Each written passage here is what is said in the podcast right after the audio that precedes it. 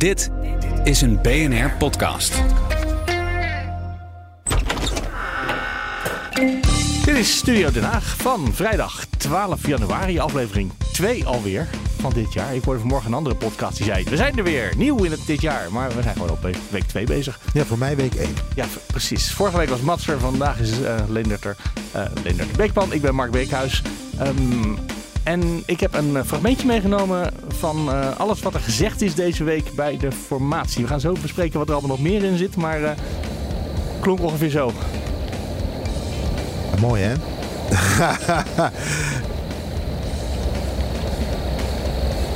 oh, hoor krekels. Een beetje stads en dat soort geluid. Ja, nou ja, nee, er werd eigenlijk gewoon helemaal niks gezegd. Nee. Ik kan, kan net zo goed uitzetten.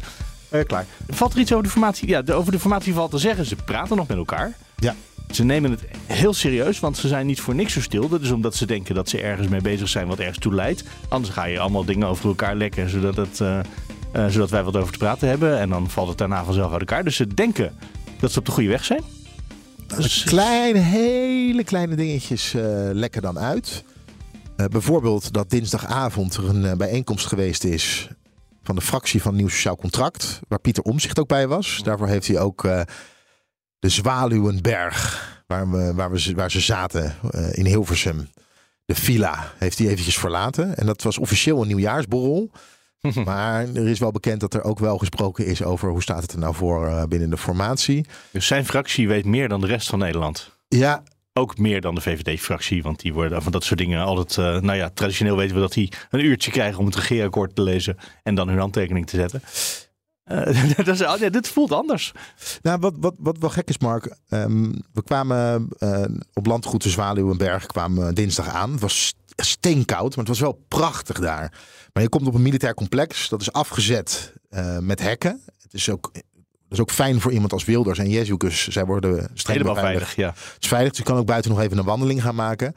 Maar toen ze de inloop hadden gedaan en daadwerkelijk niets hadden gezegd, werd tegen ons gezegd: Nou, jullie mogen weer weg. Het hek gaat dicht.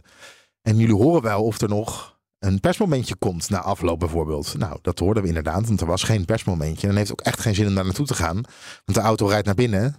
Ze stappen in en ze rijden weer naar buiten. En ze stappen aan de andere kant van het hek in. Dus je kan ze echt gewoon helemaal niet... Nee, je kan ze echt niet spreken. Dat wordt dan volgende week beter. Want volgende week zitten ze weer gewoon in Den Haag. Ja, dan kunnen we gewoon bij het touwtje gaan staan en uh, daadwerkelijk de quote opnemen. Dan moeten ze door die draaideuren heen, uh, die dan uh, ter gelegenheid van de formatie even die geen draaideur zijn. Ja, maar de, de, het is in principe, zijn ze voorlopig, zijn ze met elkaar in gesprek. Maar ja, ik kon dus niet buiten bij een, bij een hek staan of aan een, bij een touwtje. Dus naar de Tweede Kamer gegaan de afgelopen dagen. En daar uh, een beetje rondgelopen in de hoop om toch iemand nog te spreken. En dan merk je, bij de VVD is niemand. Uh, dus ik ben de keren dat ik de fractie opgelopen ben echt niemand tegengekomen. Oh, de woordvoering uh, nam niet op en belde niet terug. Ik kon wel appen. um, werd me gestuurd. Maar kerstvakantie. Ook, ook bij een nieuw sociaal contract. ze houden echt echt hun mond dicht bij BBB. Daar waren echt... wel mensen, maar die zeiden gewoon niks. Nee, dus heb ik wel met een woordvoerder uh, zitten kletsen. Over het weer en over de kerstvakantie. Ja, maar ook een beetje over... over... waar willen we nou het komende jaar als BNR willen we uh, verslag van gaan doen. Niet over hun. ja, maar het, het, er, er, komt gewoon niks uit. Hoe, in, nee. hoe, hè, hoe, hoe, erg je er ook aan trekt. Uh, er komt niks uit. En, en, PVV is altijd al een gesloten bastion. Ja, ik kan wel Leon de Jong. Als je PVV een vraag stuurt, dan is het enige antwoord: stuur maar een mailtje. Dan kijken we wel of we ooit gaan antwoorden. En dat heb ik ooit wel eens gedaan, maar. Ik heb, nou, nooit, ik heb nog nooit een mailtje terug van ze gekregen. krijg ik wel eens... Uh, en niet ja, op, als, je fysiek te, als je ze fysiek tegen het lijf loopt is het anders. Maar als je gewoon van buitenaf belt, niks. Ik kwam wel Leon de Jong in de parkeergarage gisteren tegen. En uh, dacht, daar ga ik even nog een praatje mee maken. Maar die hield me ook een beetje af. Zo van, nee, ik kan niks zeggen. Uh, je hoeft ook niks te zeggen. Gewoon gezellig. Nee, maar Laten we wat gaan drinken. Ja, er wordt niks gezegd. En, nee. en toch, ik las in Trouw gisteren dat in Duitsland het heel gebruikelijk is... om elke week een persconferentie te geven. Waarin verteld wordt hoe het ervoor staat. Maar dat gebeurt niet. De Tweede Kamer wilde natuurlijk ook weten als ze dat basispad over de rechtsstatelijkheid bewandeld hadden. Ja. En de grondwet. Even terugkomen ons. Even terugkomen. Maar de, ja, deze vier partijen zijn met de meerderheid. Dus die zeggen nee, want we hebben helemaal geen interesse in openheid. Ja, en in transparantie. En dat is nog wel een van de kernen. Ja, daar hebben ze helemaal geen interesse in, openheid en transparantie. Dat ja, is echt... Een nieuw sociaal contract is daarvoor. Maar ze zeggen, joh... Nou, die hadden voor weken... kunnen stemmen en dan hadden ze gewoon terug kunnen komen. Want dan waren ze namelijk wel met de meerderheid Pieter voor. Omzicht heeft wel het gezegd, we moeten eerst de Kamer informeren. Caroline van der Plas vindt dat ook. Dus ja, dan kan je eigenlijk, eh, dan kan je eigenlijk niet meer met, met de pers gaan praten. Ja, lange, diepe, betekenisvolle pauze hier. Nou, de vraag is Nee, wel, je- je wat ik me oprecht wel- afvraag. Maar je kan wel elke week de Kamer informeren en dan ook meteen een. eh, zo ging het met corona toch ook. Elke week even een, persconfer- een brief aan de Kamer en een persconferentietje. We kunnen het wel graag willen, maar dat gaat niet gebeuren. Nee, Wat maar als je, interessant waarom is- willen ze is een weg, dus er is geen wil. Kennelijk is er ook geen belang bij lekken op dit moment. Want Nee. het zou natuurlijk wel, ik zat, er, ik zat er even over na te denken, op het moment dat je dat pad hebt bewandeld over die rechtsstatelijkheid. Dat zou wel een logisch moment zijn om eventjes ergens een klein lekje. Hè, van we zijn in ieder geval, eh, hebben we de eerste stap hebben we gezet. Ja, het is goed nieuws. Dat zou je met de mensen kunnen delen. Wat mij ook opviel was dat, wilden ze kennelijk toch nog niet. dat in ieder geval de financieel expert van de VVD erbij was. eh Ilko Heijnen. En namens Nieuw Sociaal Contract was ook de financiële man er, Eddie, Heij, Eddie van Heijem. Niet de eerste ook dag, maar wel de tweede dag. De eerste dag was hij er ook bij. Oh, de eerste dag Ja. ook. En Maar dat op de betekent tweede dat dag, ze het niet per se hebben gehad over al die nou, er zijn, zaken, maar over hoe je, het, hoe je de begroting op orde gaat maken. nou ja, op het moment dat je, dat je je financieel expert meeneemt, zou het in mijn ogen is het dan heel gek als je drie dagen lang alleen maar over eh, de rechtsstatelijkheid Ja. en, ehm, en ook uiteindelijk kwam voor BBB kwam ook Henk, Henk eh, Vermeer, ook eh, Ja. financieel woordvoerder, kwam richting eh, Hilversum. En hij Ja, dus hebben het over geld af. en over begrotingszaken gehad. En ik hoorde ook achter de schermen dat er gesproken zou zijn over migratie. Maar dat, lijkt, dat is ook wel logisch, want migratie en die hele rechtsstatelijkheid eh, raken elkaar natuurlijk ook direct. Want veel van de plannen rondom migratie, zeker vanuit de PVV, waar ze gewoon een asielstop willen hebben, gaat in tegen internationale verdragen onder andere. Ja. Dat raakt natuurlijk, eh, dat raakt elkaar. Dus Tuurlijk, het is alleen logisch maar dat er- buitenlanders dis- discrimineren, geen Nederlanders. Ja, ik ga Ja, toch? woorden even bij jou. Eh, ja, maar dat is heel logisch dat het met elkaar te maken heeft, bedoel ik maar te zeggen. Ja, maar daar is over gesproken.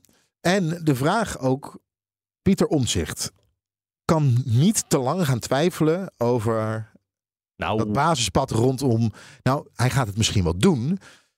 eh, Pieter Omtzigt kan heel goed twijfelen, heb ik het afgelopen jaar geleerd. Ja, hij kan heel goed twijfelen. Maar Heel lang. we begonnen de week met een gebaar.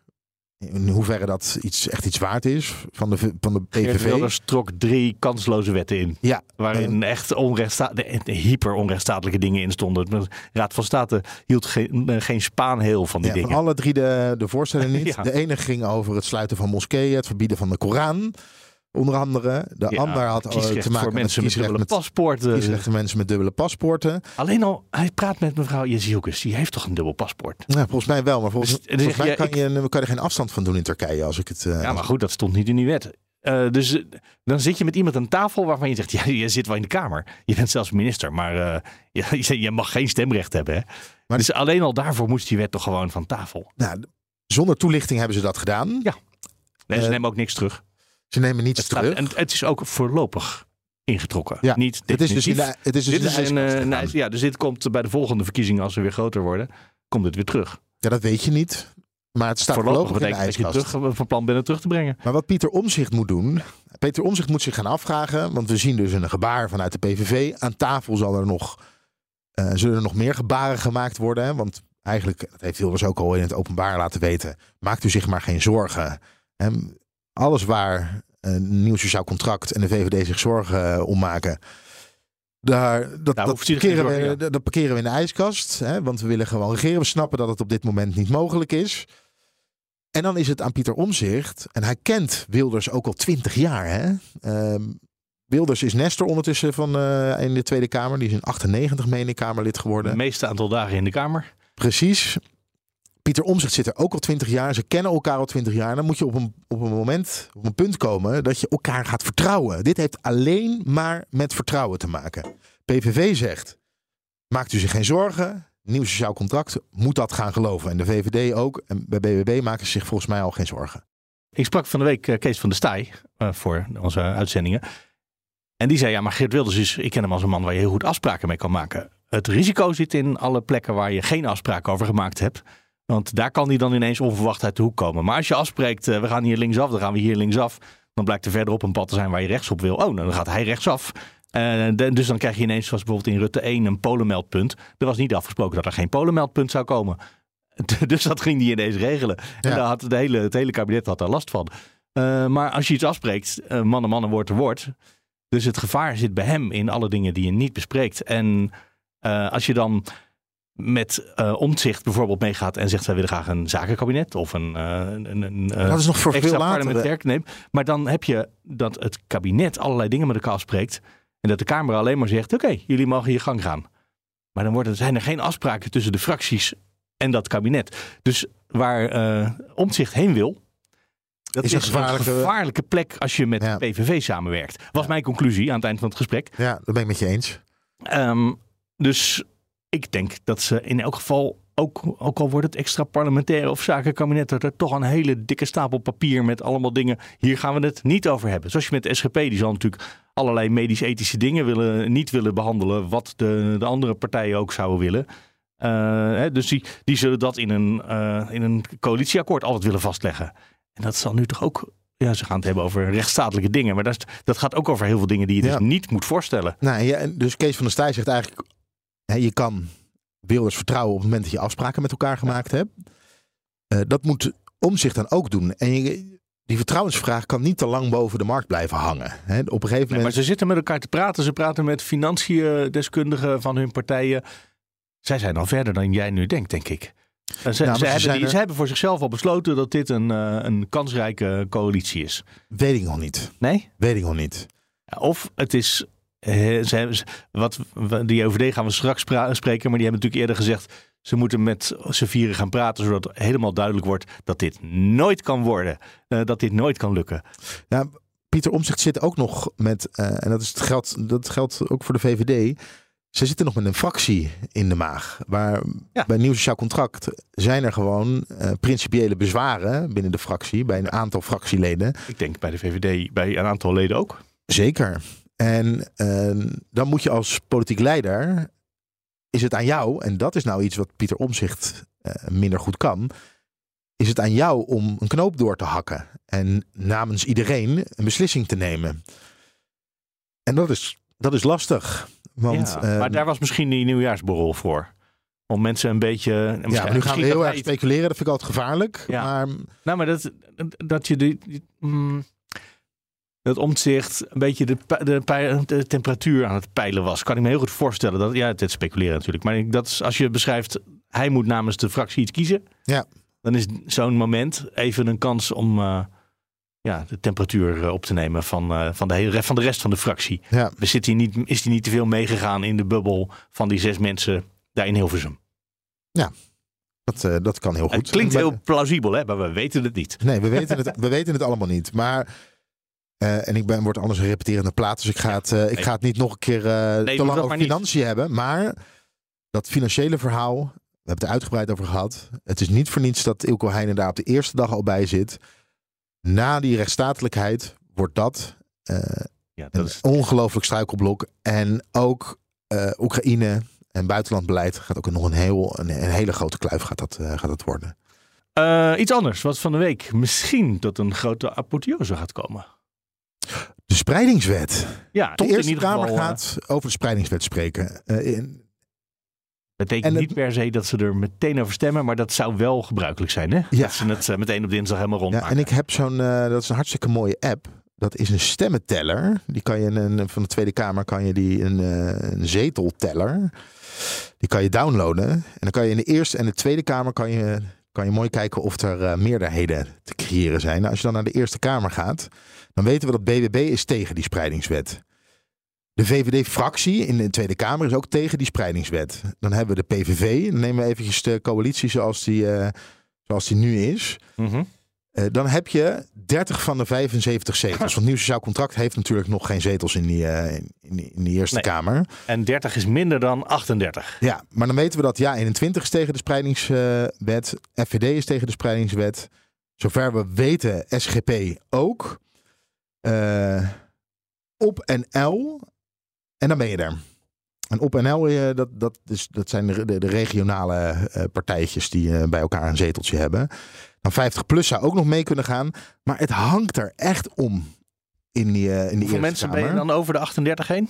Nou, als je het alleen doet met BBB, en dan moet iedereen voor zijn, VVD, PVV, Ja21, Forum voor Democratie en SGP, dan ben je er nog niet, want dan heb je er 37. Dus dan moet je op NL erbij hebben. En of dat zijn 50 hoeveel plus. zetels? Eén. En 50 plus is er ook één. Maar 50 plus zal Maar- er iets voor terug willen krijgen. Dat is eh, Martin van Rooyen. Ja, en dat is een gehaaide... Ja, die zal er iets voor terug willen hebben. En we weten dat het om Maar als het, AOW... eh, het wordt een hoofdelijke stemming, hè? Dus dan eh, gaat daarna één iemand bij de VVD zegt, weet je wat, ik doe het niet. Zeg maar zoals Wiegel ooit een, een kabinet liep, val- liet vallen. Ehm, dus als er één of twee VVD'ers weglopen, dan is het alweer wel door. ja, en de vraag is... Want we- jij bent nu aan het uitrekenen hoe groot de kans is dat het niet het haalt.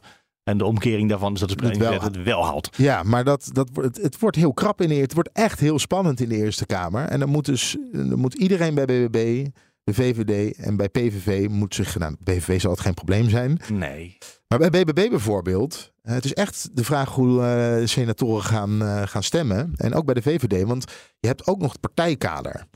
En zeker bij de VVD, ze hebben burgemeesters hebben ze rondlopen. En die burgemeesters, die zijn zich aan het roeren. Alle burgemeesters in Nederland heb ik mij vorige week laten vertellen. ja, maar het gek is de- wel, als alle burgemeesters in Nederland, regelen het dan met elkaar. Ze hebben de VNG. Eh, Nee, alle burgemeesters willen gedwongen worden. Ja, ja, ze zeggen dus. Wij willen, wij willen dat u een stok heeft waar u, mee, waar u ons mee kan slaan. Zodat Ja. wij verplicht worden om Ja, Eh, verplicht kunnen worden. kunnen worden om zielzoekers Ja. op te nemen. Zodat we ook eh, Ja. daarna een makkelijker gesprek hebben binnen de gemeente. Van ja, we moeten nou eenmaal. Maar je zou ook kunnen zeggen als VNG. Hè, en al die burgemeesters bij elkaar. Ja, als we het in Haag zelf niet met elkaar gaan we dat gewoon zelf regelen. Maar dat Ab- doen ze ook niet. Kennelijk Nee, is er dus. durf- dat durven ze Die, niet. die eensgezindheid is niet, eh, is niet groot genoeg om dat met elkaar te gaan regelen. Ik snap overigens de weerstand bij partijen als de PVV en VVD tegen die wet helemaal niet hoor. Want er staat niet in dat geme- gemeenten gedwongen moeten worden. Er staat dat gemeenten gedwongen kunnen worden. Dus je kan ook die wet aannemen en zeggen hartstikke goed. Daar is een heel mooi rond archief. Daar bewaren we deze wet in. En gaan we hem nooit toepassen. Dat kan inderdaad. Dat kan, dus ook ik, een ik, snap letter. de, ik eh, snap de weerstand van wat dat betreft helemaal niet. Want het nieuwe kabinet gaat het eh, helemaal niet uitvoeren. Exact. Eh, nee, sowieso. Want dan, de Eerste Kamer die gaat natuurlijk voorstemmen of tegenstemmen. Maar laten we zeggen voor. Dan moet daarna, moeten er allerlei protocollen ook nog doorlopen worden. En dan moet een koning nog een handtekening zetten. En dan moet het tussenvoor op de post gedaan worden. Zodat het daar in zijn inbakje komt. Je kan dat allemaal traineren. Die hoeft, die hoeft de wet nooit echt in het staatsblad eh, nee, te precies. zetten. En, en BBB, eh, zij hebben natuurlijk het, het regionale verhaal. Hè? We moeten meer oog voor de regio. Het zijn nou juist eh, gemeenten in de regio. Dus Ter Apel, Budel. Zij zeggen, kom nou Ja. met die spreid, door met die spreidingswet. Wij hebben hem nodig. En je zou zelfs kunnen bepleiten dat de spreidingswet ertoe leidt dat vanuit de regio asielzoekers richting de Randstad worden geduwd. Ja, één stad in het bijzonder. Want er is één stad die echt, eh, ik zou zeggen, asociaal weinig doet. Dat is Rotterdam. Dus eh, vanuit allerlei kleinere plekken eh, zouden er heel veel mensen ineens naar Rotterdam gaan. Want die krijgt een relatief, ja, nou, die krijgt gewoon naar rato van het aantal inwoners een opdracht. En die doen op het ogenblik heel weinig. Dus Ja. dat, En wat voor Rotterdam zou het echt een rot nieuws zijn eh, als, het, eh, als het erdoor komt. En wat ook wel interessant is, als je nu dus even kijkt naar de verhoudingen in de Eerste Kamer. En hoe er dus gestemd is bij de provinciale statenverkiezingen vorig jaar. Want er is nu gezegd, ja, Nederland is een oerconservatief land. En eh, 100 Ja. van de 150 zetels zijn eh, conservatieve zetels. Het Henk Kamp eh, frame wat je nu gebruikt. Ja. Want je kan het ook heel anders interpreteren. Maar Precies, dat- maar als je dus nu kijkt naar de, eerste, de verhoudingen in de Eerste Kamer. Dan kan je alleen maar uit opmaken dat eh, die, die conservatieve stroming in ieder geval nog niet zo sterk was vorig jaar maart. En dat de PVV bijvoorbeeld slechts vier zetels in de Eerste Kamer heeft. Als je dat omrekent naar de Tweede Kamer. maar zes, Nee, nee, nou de acht. acht is het. eh? Ja, want het, is, het zijn er eh, Oh, het zijn 75 Ja, ja. ik zit er in vroeger waren het Dus- 100 hè. eigenlijk, de PVV, heeft er, de PVV heeft een hele slechte provinciale statenverkiezingen achter de rug. Heeft daar helemaal niet goed gescoord. En een half jaar later zijn ze de grootste partij van Nederland. Ja, fascinerend hè. Ja, eh, Ik ben ook nog steeds niet helemaal uit wat het nou precies betekent, die uitslag. Maar goed, die gaan we, dat gaan we ook nu niet nee, dat gaan oplossen. wij ook niet met elkaar oplossen. Ehm, nee, maar als mensen een eh, goed antwoord hebben, beekhuis.bnr.nl. Doe maar gewoon. Leg het maar uit, want ik snap echt niks van deze verkiezingen. Omdat die zo totaal anders is dan een half jaar geleden. Omdat die zo anders is dan twee jaar geleden.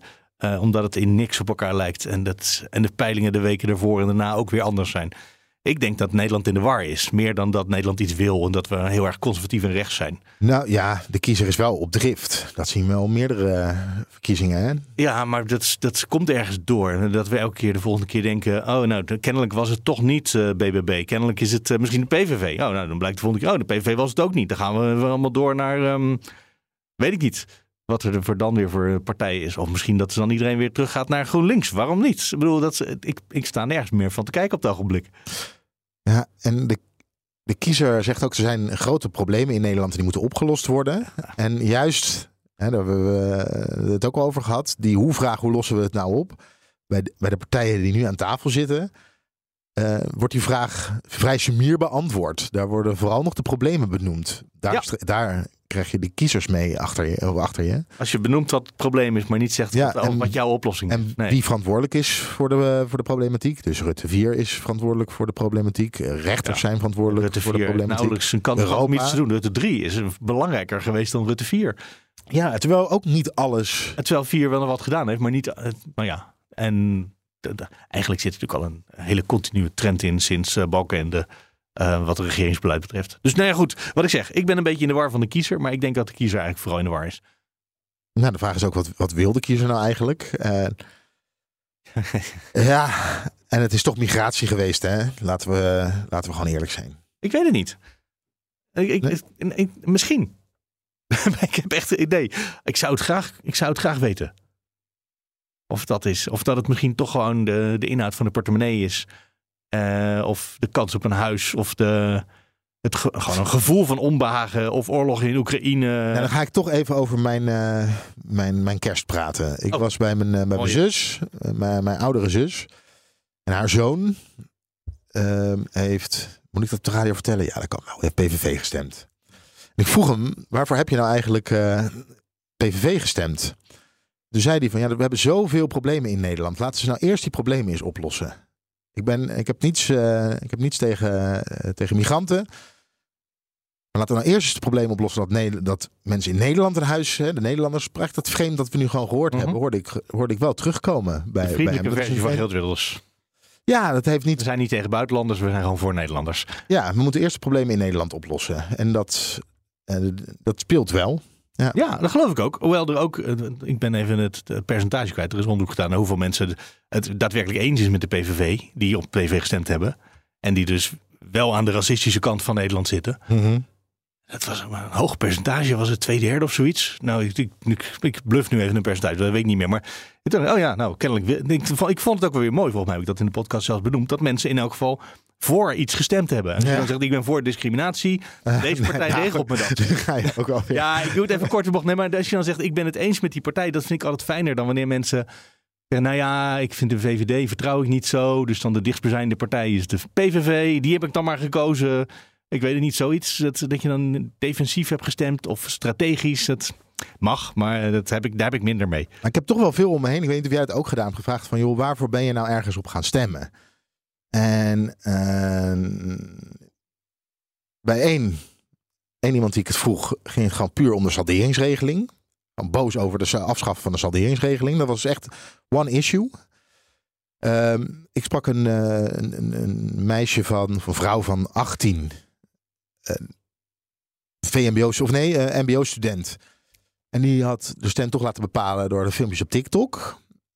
ja, iedereen heeft zo'n eigen belevingswereld ja. vanuit die stem. Maar dat is natuurlijk ook het, mooie van ons stemrecht is dat je gewoon zelf mag kiezen om welke reden je op. Al zeg je alleen maar, ik vind het gewoon heel goed dat politici hun haar blonderen. ik bedoel, dat is een, als jij dat een overweging vindt, ja. is dat voor jou de overweging. Ja. Als je zegt, ik wil graag een man met een baard, nou dan kan je met een andere partij stemmen. Uh, ik bedoel, dat is prima. Dat vind, ik vind dat, dat is heel mooi aan de democratie. Alleen als je zegt, ja, de ene keer wil ik een geblondeerde en de volgende keer wil ik een baard, dan snap ik het niet meer. Maar soms proberen wij een soort... Ja, wij proberen patronen te zien die misschien niet zijn. helemaal niet zijn. Het, ja, maar het, wel, maar die patronen... kan gewoon een salderingsregeling kan het zijn. Maar die patronen zijn er wel. Uh, want het is een gemiddelde over 18 miljoen mensen ongeveer. En daar zitten bewegingen en trends. En dus het is voor één iemand is het misschien een kleine beslissing. Die zegt, nou, ik ben nu die saldering, snap ik niks van. Daar ben ik voor en dat moet veran niet veranderen. Kan je SP stemmen? Kan je misschien zelfs wel PvdA GroenLinks stemmen? Dat weet ik niet. Je kan PVV stemmen, die wil dat geloof ik ook houden. Nee, GroenLinks, Ehm, de eh, PvdA wil er vanaf. Wil die er vanaf? Oh, ja, nee. maar alleen, ze willen de garantie hebben dat er dan wel wat gaat gebeuren voor sociale huurwoningen. Oh ja. Ehm, Nou, maar goed, er valt veel, het maakt natuurlijk allemaal niet uit. maar Er valt, er valt heel veel voor te zeggen om het af te schaffen. Als je het op de grote schaal bekijkt. Maar in een huishouden kan het irritant zijn. Ehm, even goed, we, we verlaten ons in allerlei details nu. Verliezen ons in allerlei details. Zullen we eens gaan praten met de mensen van de JOVD? ik heb twee vrienden meegenomen. Nou, twee, eentje gaat er praten. En de andere, de microfoon blijft uit? Nou, hij mag meepraten wat mij betreft. Nou, eh, we zetten de microfoon vindt. aan en we kijken vanzelf wat er Weet, gebeurt. weet waar je aan begint, hè? Ja. Nee, die JOVD is bij ons aangeschoven. Dat zijn eh, de, de jongeren van eh, een van de vier beoogde coalitiepartijen. Ja, maar wel onafhankelijk, toch? De politiek Brester, de onafhankelijk. voorzitter. Ja. En dan hebben we ook de woordvoerder hebben we bij ons. Zeker. Maar de woordvoerder ging zijn mond houden. Dus dat is ook- ik vind het nu al verwarrend. Wat is de reden? Ja, Nou, natuurlijk dat er onderhandeld wordt over de We coalitie. hebben twee aanleidingen. Een opiniestuk eh, namens de JOVD in eh, de Volkskrant deze week. Waarin ze eigenlijk bepleiten dat de VVD zich moet vasthouden aan de klimaatdoelen. En absoluut, nou eigenlijk kan Mauk het misschien beter voor zelf vertellen. Eh, ge- geen ruimte geven eh, aan PVV, Nieuw Sociaal Contract, BBB. Die misschien wat minder ambitieus zijn op het gebied van klimaat. En er is een liberaal van het jaar verkozen. Erik van den Burg. De staatssecretaris... eh, De helaas, Ja. de helaas vertrokken, of bijna vertrokken man Nou, van de de- spreidingswet. Ja, laten we het zo meteen ook nog heel even kort over de spreidingswet hebben. Want volgende week in de Eerste Kamer wordt de spreidingswet behandeld. Ja. Maar laten we eens beginnen bij het klimaat, Mauk. Jullie zeggen, aan die onderhandelingstafel kan er veel besproken worden. Maar over klimaat, de VVD mag... eh, Nee, ja, daar moet je geen compromis op willen sluiten. Dat is een, een belangrijk onderwerp voor ons allemaal. En dit is de uitgelezen kans om zonder een, een, een linkse partij, zonder een, een heel progressieve partij die alleen hamert op consuminderen, eh, stappen te zetten richting groene groei en het verduurzamen van de economie. Dus er ligt nu juist een kans om te zeggen: oké, wij gaan als rechtse partij, als, als VVD, gaan wij ons inzetten eh, om te zorgen dat onze visie op het klimaat eh, een kans krijgt. En daarmee kunnen ze het onderwerp klimaat juist naar zich toe trekken. En laten zien, oké, het is niet alleen maar eh, minder, minder eh, eh, en nog eens minder. We kunnen ook daadwerkelijk iets doen met groene groei. We kunnen investeren in kerncentrales. Eigenlijk zijn alle partijen die nu aan de formatietafel zitten, zijn voor kerncentrales. Dus daar en hoeft helemaal niet over onderhandeld te Maar worden. dat hele klimaat, dat is totale waanzin, onzin en duur. Dus waarom zou je eraan beginnen? Eh, zegt een van de mensen Ja. aan tafel. eh. Zeker.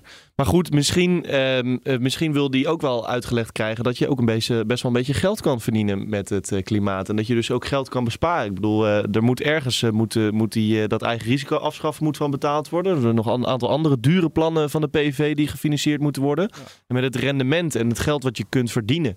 Eh, over tijd eh, door te investeren in het klimaat, eh, daar kan de PVV ook Ja. nou, heel veel leuke dingen maar ik doen. hoor Mona Keizer van BBB nu al in mijn achterhoofd zeggen... Zijn ze weer over klimaat aan het praten? Eh, Mhm. er, er, er is nog, er zijn zoveel. Het is een obsessie geworden, ook voor de media.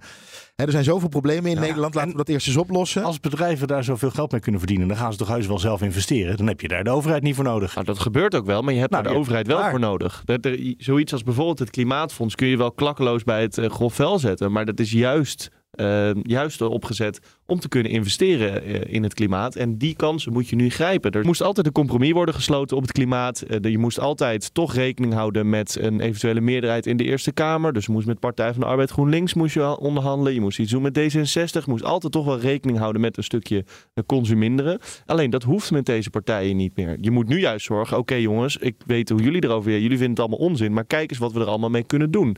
En dat betoogt het stuk ook.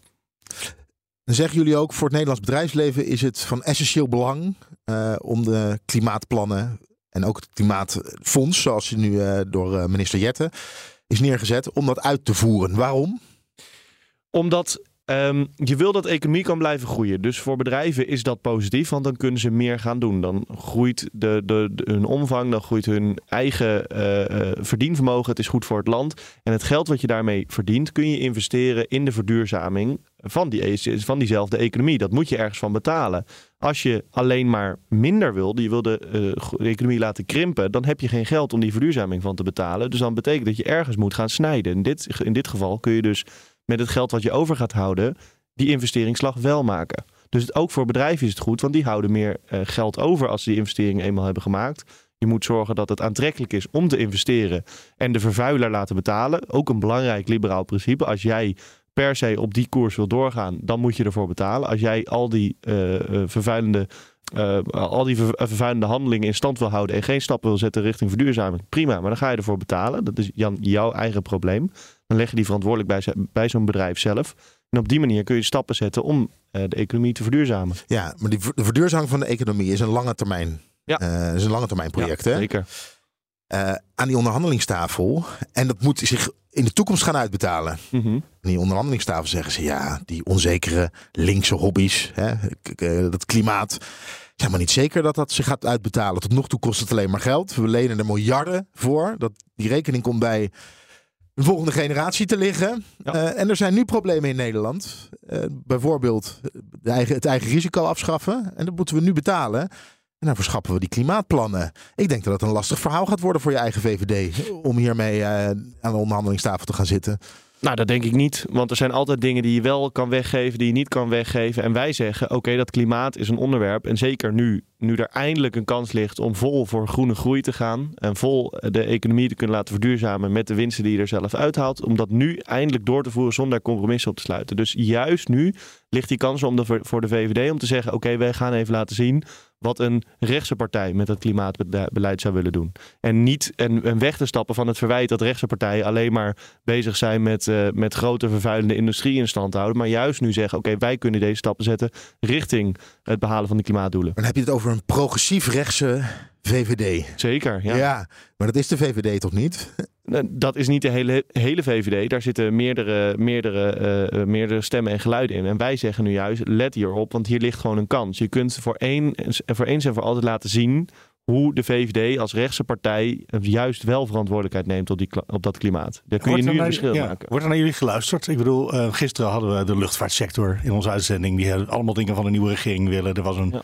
uh, brief van de Nederlandse Vereniging voor Duurzame Energie. Die willen ook allemaal dingen. Die EOVD wil ook dingen. Uh, zijn jullie relevant? Ja, dat is een goede vraag. Dat stellen, die stellen wij onszelf ook regelmatig. Ja, maar het ding, het en ding, jullie zijn er nog steeds. Dus jij we zijn er nog steeds. niet ja. opgegeven. Nee, we hebben vieren dit jaar dat we 75 jaar bestaan. Ja, we leveren nog wel eens een partijleider van de VVD. Dus ik denk dat er, dat er links en rechts, uh, dat er links en rechts nog wel eens uh, wordt geluisterd naar, de, naar die EOVD. En dat is, uh, dat is altijd interessant. Ja, maar je maar, zit nu niet aan tafel natuurlijk. Weet, weet je überhaupt wat er nu gebeurt in de afgelopen week in, in Hilversum? Nou, ik, ik, zit niet uh, dagelijks aan de telefoon uh, met uh, de partijleider van de VVD. Dat niet. Nee. Maar je krijgt, je krijgt soms wat mee. Maar goed, Ja. de, de, de, ik denk... Je mag af en toe op de koffie komen, misschien. Je mag af en toe op de koffie komen. Maar ik denk niet dat wij onze relevantie halen uit door de hele tijd aan tafel gaan meepraten. Je hebt twee soorten jongere partijen. Um, en wij zijn denk ik de enige die het op deze manier doet. Je hebt jongere partijen die zeggen wij gaan aan tafel zitten en wij gaan een beetje lobbyen. En dan uh, nou ja, links en rechts komt nog een zinnetje en dan mogen wij van de moederpartij claimen dat dat van ons is. En wij zeggen gewoon wat we ervan vinden en dan zien we wel wat er gebeurt. En dan laten we heel duidelijk weten hoe wij kijken naar het liberalisme. Opgevolgd door wat onze leden vaststellen op een vergadering. Dus wij krijgen echt een heel duidelijk mandaat mee. Van god, dit zijn de standpunten die wij willen dat jullie vertolken. Dat gaat best democratisch in tegenstelling tot de meeste politieke partijen. En dan is dat het geluid wat wij hier vertellen. Ja, en een progressief liberaal geluid. Jullie hebben ook al het progressieve liberale geluid laten horen wat betreft de rechtsstaat. Hè? Ja. En dat basispad dat nu bewandeld wordt. Maar die progressief uh, liberale politiek, of überhaupt progressieve politiek. We hebben Henk Kamp vorige week op de radio gehoord. Hij zegt, ja, 100 van de 150 zetels zit aan die conservatieve kant. Dat progressief-liberale verhaal, wat nu ook vanuit de JOVD uh, komt, en dat zijn even mijn woorden, daar zit Nederland helemaal niet op te wachten. En toch, ja, dit is volgens mij het tweede opiniestuk. De eerste ging, de, jullie hebben je al laten, laten horen over, over de rechtsstaat. Um, is het is dat niet tegen, en, en, tegen de stroming in? Hè, tegen, wat, tegen de uitslag van de verkiezingen in. Ondemocratisch. Ja, dat denk ik niet. Ik denk je, ondanks uh, hoe, verkiezingen, hoe verkiezingen uitvallen, je, je nog steeds je geluid moet laten horen. En zeker het verhaal moet vertellen waar je zelf in gelooft. En wij laten, uh, denk ik, als JOVD een wat meer puristisch-liberaal verhaal uh, horen. Wij, zijn, wij laten ons niet sturen door de waan van de dag.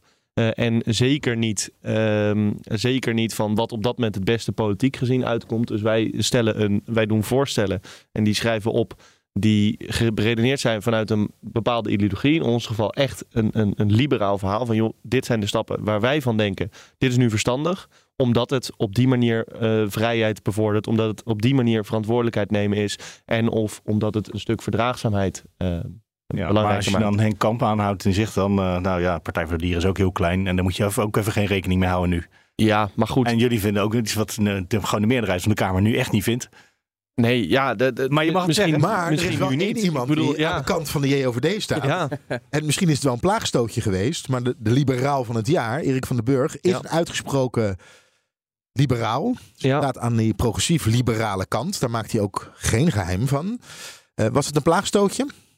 Nou, kijk, bij ons zijn eh, alle processen die we doen zijn democratisch. Dus zo is dit ook verlopen. Eh, het, wij hebben als hoofdbestuur hebben wij een aantal eh, voordrachten gedaan. Ehm, daar zat bijvoorbeeld ook Kees Verhoeven bij over eh, privacy, digitale samenleving.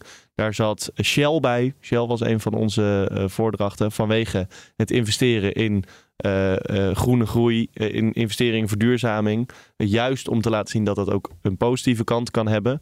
Eh, nou, ik kan toch wel vertellen dat heel veel van onze eh, wat conservatievere eh, flank best tevreden waren met die, eh, met die voordracht. En we hadden eh, Hanna Prins en Jan Tijn. Mhm. Annema. Annema.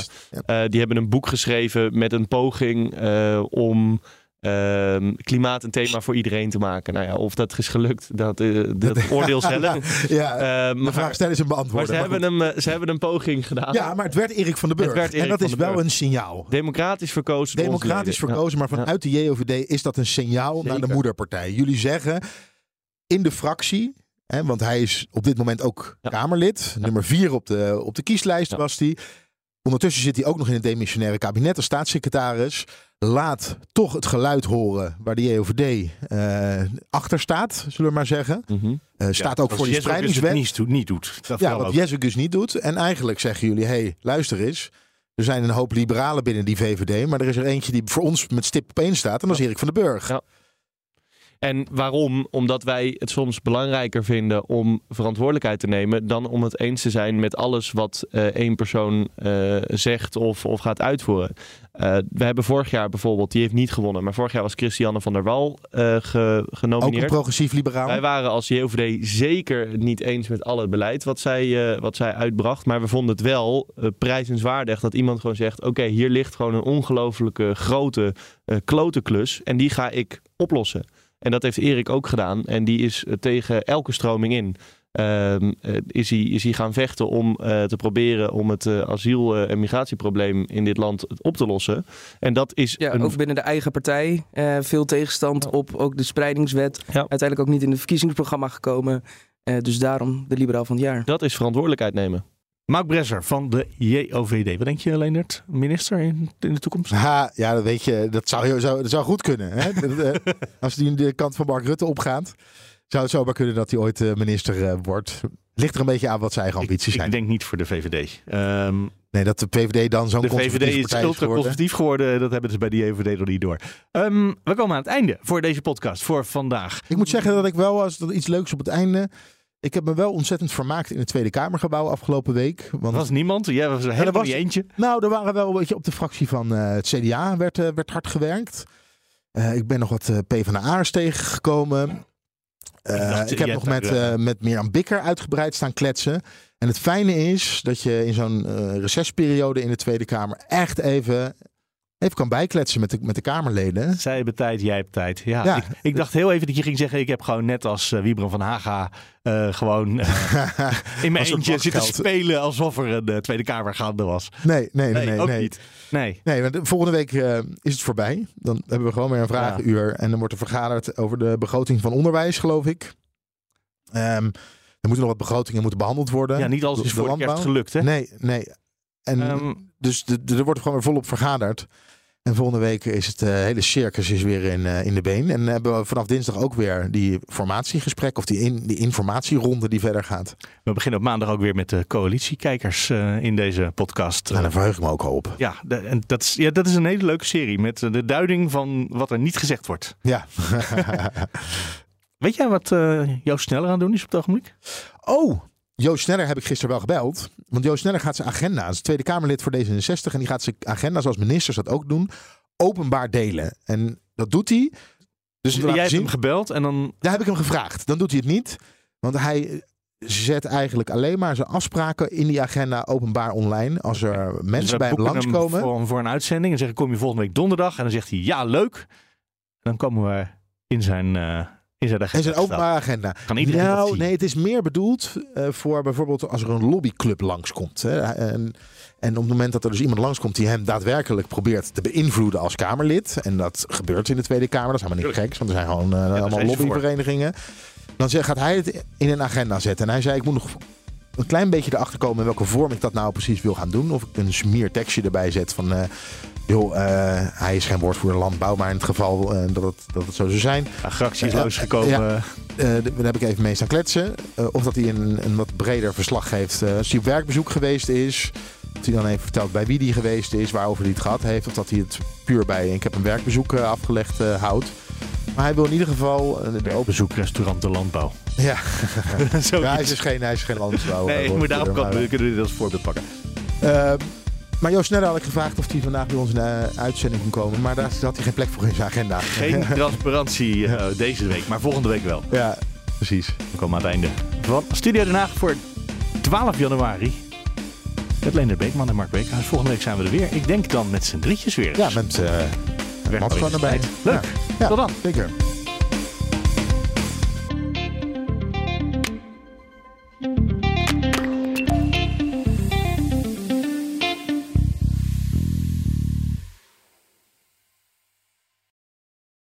Ook Hugo Reitsma vind je in de BNR-app. Superhandig die BNR-app. Je kunt alle programma's live luisteren, breaking nieuwsmeldingen. Je blijft op de hoogte van het laatste zakelijke nieuws. En je vindt er alle BNR-podcasts, waaronder natuurlijk de belangrijkste, Boeken zijn in de wijk.